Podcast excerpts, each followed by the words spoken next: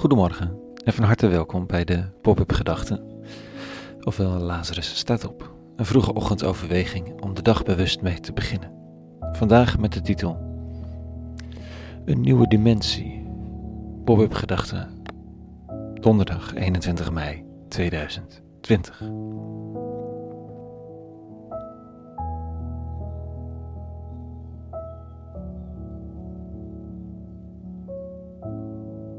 Heel stil zat ze op haar yogamat. De adem voelde ze door haar neusvleugels naar binnen bewegen. Het was alsof haar hele lijf meedeed. Alsof de verkwikkende zuurstof door bloedbanen en haarvaten tot in haar tenen elke cel aanraakte, alvorens het vertrok. En in deze verhoogde staat van aanwezigheid was het alsof ze werd aangesproken. Ze was niet alleen in deze wereld. Het werk waar ze als een berg tegenop zag, was opeens niet zo belangrijk meer en de spanning voor het aangaan van de confrontatie met haar vriendin viel weg. Ze wist wel wat haar te doen stond.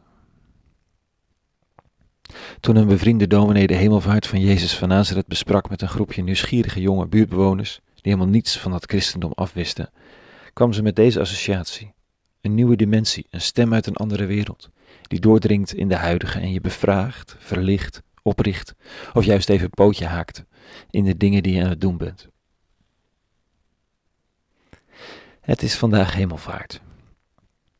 De jaarlijkse herdenking die ooit in Europa is ingevoerd van het vertrek van de man van Nazareth. Het is maar een eenvoudig zinnetje vanochtend in de lezing van de dag. Deze, na deze woorden werd hij ten aanschouwen van hen omhoog geheven en een wolk ontrok hem aan hun ogen. Ik vind dat een briljant beeld. Die wolk. In het theater had je vroeger de Deus ex machina, die spreekwoordelijk is geworden. Een onmogelijke scène zonder uitweg wordt opgelost door een goddelijkheid die van buiten in de wereld indaalt. Met een machine het toneel opgetakeld, letterlijk soms. Hier, in dit verhaal, wordt de, de Deus, de goddelijkheid, uit de wereld getild. Tot een wolk notabene hem aan hun oog onttrekt. Wat gebeurt er hier in vredesnaam? Is het een vroeg pleidooi voor de wonderenwereld van de kwantummechanica? Is het de eerste astronaut, de ruimte-rabbi van Nazareth?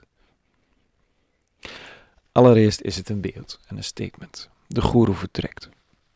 Velen kennen misschien wel de reis van de held als een manier om je eigen levensweg of de groei van een organisatie onder de loep te nemen. De held gaat op weg, komt vele moeilijkheden tegen, leert, overwint, groeit.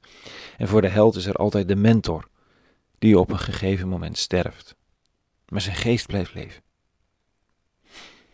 Allereerst is de hemelvaart een beeld van een troonsbestijging. Wie heeft het allereerst uiteindelijk voor het zeggen in de wereld? Terwijl we heen en weer geslingerd worden dagelijks door berichten van liefde, schoonheid, medemenselijkheid en haat, cynisme en vernietigingsdrang, vragen we ons af wat de toekomst heeft. Wordt de wereld nou geregeerd door hebzucht of door liefde? De dame op haar yogamat hoefde maar stil te gaan zitten om het te weten. De driedimensionale wereld die elke dag ons bestormt met vragen, uitdagingen, angsten, verlangens en wat nog meer, bezet ons hoofd en hart. Maar daardoor heen roept een stem vanuit een andere dimensie, onbegrensd in tijd en ruimte, appellerend aan ons hart. Niet fysiek aanwezig, dat zijn jij en ik. Het is een macht zonder geweld, een stem zonder dwang, een fluistering die niet op zal houden totdat het oor heeft gevonden. Dat is hemelvaart. Het is de goddelijke bevestiging voor zijn volgelingen van de weg van de man van Nazareth. Dat vergeven, liefde, zorg, toewijding en gerechtigheid niet alleen de dood overwinnen, maar dat ze vanaf nu de wereld regeren, op hun eigen zachte manier. Nog steeds bestaan de knellende structuren, nog steeds herken ik in mezelf het egoïsme, de angst, de weerzin. Maar de stem die de zachtheid aanbrengt in mij is nooit ver weg, gaat ook niet meer weg, is menselijker en eerlijker dan ik ooit heb gedacht. Niet langer dondert een onkwetsbare godheid zijn voorschriften vanuit de hemel, waarvan de mens in elkaar krimpt tot het over is. De weg van de hemel is een menselijke weg, de weg van de man van Nazareth. En wie die weg gaat, is nooit alleen.